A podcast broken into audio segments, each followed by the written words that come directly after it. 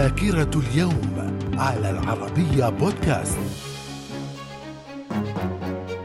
أهلا بكم في ذاكرة اليوم الثلاثين من يوليو. ففي عام 1936 تشكيل مجلس المعارف في الكويت وذلك لوضع خطوط السياسة التعليمية وتحديد طرق تنفيذها ورأس المجلس الشيخ عبد الله الجابر الصباح. عام 1952 مجلس قيادة الثورة في مصر يصدر قرارا يلغي فيه جميع الألقاب المدنية الرسمية. عام 1954 النجم الأمريكي ألفيس بريسلي يحيي أولى حفلاته. من الذاكرة. عام 1968 تصفية العناصر غير الموالية لقائد ثورة السابع عشر من يوليو أحمد حسن البكر ونائبه صدام حسين من أعضاء حزب البعث.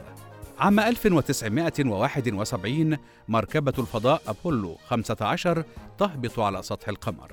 عام 1980 الكنيست يصدر قانونا يعتبر القدس عاصمة إسرائيل الأبدية. وفي عام 1999 تم تنصيب ملك المغرب محمد السادس على العرش رسمياً.